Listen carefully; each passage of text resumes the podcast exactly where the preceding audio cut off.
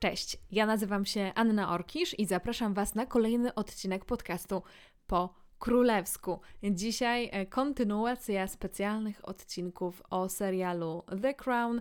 Oprócz tego typowego cyklu, który mam, czyli omawianie każdego odcinka po kolei, e, dzisiaj przedstawiam Wam drugi, tym razem bardzo krótki wywiad z twórcą serialu The Crown. Dzisiaj e, zapraszam Was na rozmowę z Robertem Sternem. Robert Stern jest osobą, która od 10 lat czyli od samego początku, od samego początku produkcji e, serialu, wybierała osoby, aktorów, którzy zagrają konkretne postacie.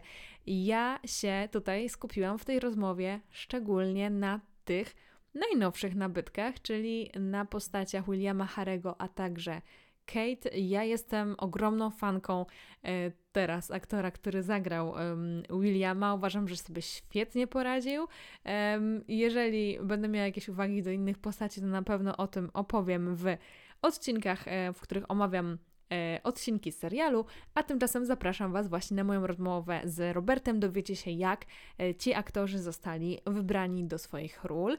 I co ważne, rozmowa jest w języku angielskim ze względu na to, że została przeprowadzona w języku angielskim i nie ma jakiejś wspaniałej możliwości, aby ją przetłumaczyć na język polski, tak aby w podcaście dobrze się to słuchało, e, zostaje w języku angielskim. Jeżeli zależy Wam na polskim tłumaczeniu, to zapraszam na mojego YouTube'a po królewsku, gdzie wchodzicie sobie w opcję wyświetlania napisów, a następnie e, takie kółeczko obok przetłumaczycie sobie te e, gener generowane automatycznie napisy na, z angielskiego na polski. Może to nie będzie najlepsze tłumaczenie, ale to będzie takie tłumaczenie, które mogę Wam zaoferować w ramach moich e, skromnych możliwości podcastowych.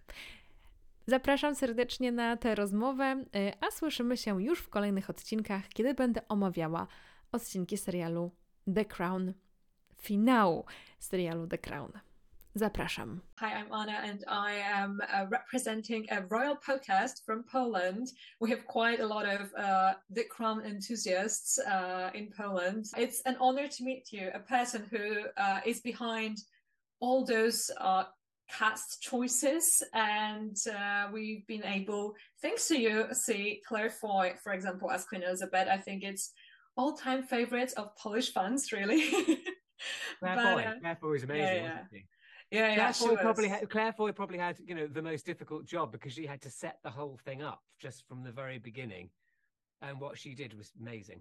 I'm not here to talk about Elizabeth's and Philip's of this uh, series. I was thinking maybe to ask you about the newest additions as um, Ed, Meg, and Rufus in the roles of uh, Prince William, uh, Kate Middleton at that time, and Harry, because yeah. for a long time you casted actors to play, let's say, historical figures as young um, Princess uh, Elizabeth or even young Diana.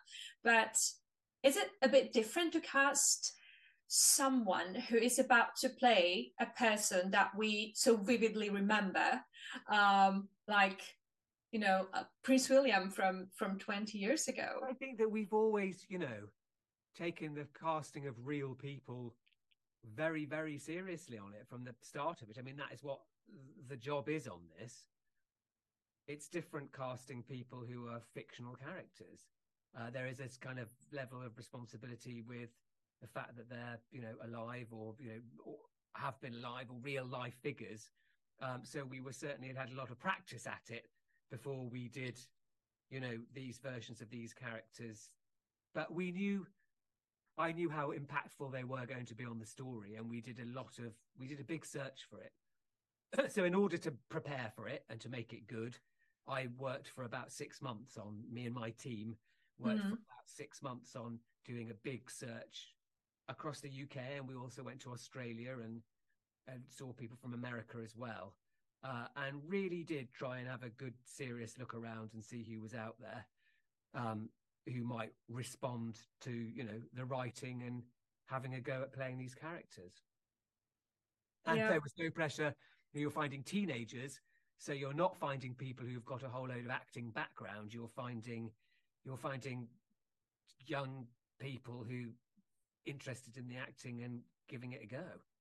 Yeah, but I think it's also a go for um, a highway to a bit of stardom, as uh, we've seen with previous young um, cast uh, as uh, Emma Corrin or Josh O'Connor. They really did uh, very well after the crown. It's a really good opportunity because the writing's so good, uh, and they are complicated and interesting characters to play. So yeah.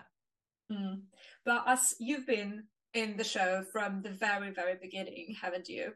Yeah. Um, as you recall, the last decade, what's there a character that you found a perfect match, you know, between character and actor, and it was a love at first sight. So you knew instantly that's the person.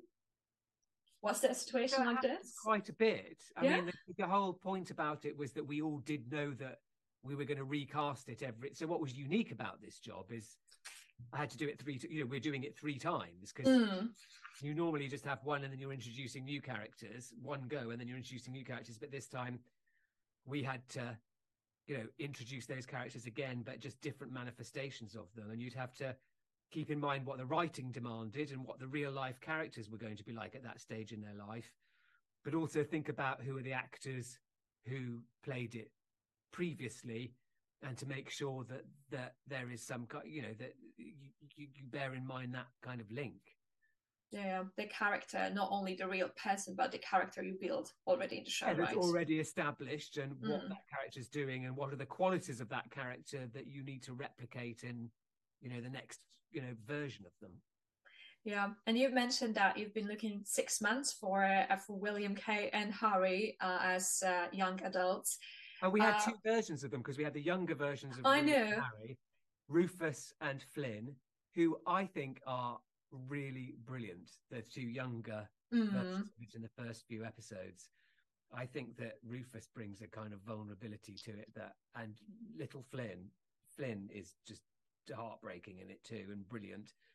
Yeah, and then we had to do the two older versions of them for the second half of the series. So we did a lot of looking for William and Harry. That's for sure. For the whole 10 years, do you recall any um any character that took the longest. The casting process took the longest because you were hesitating a bit or you couldn't find the right match from the beginning? Um, I suppose we took a long time looking for the original Diana. Ah, okay. We knew that was a such a key impact on the storyline when Diana came into it.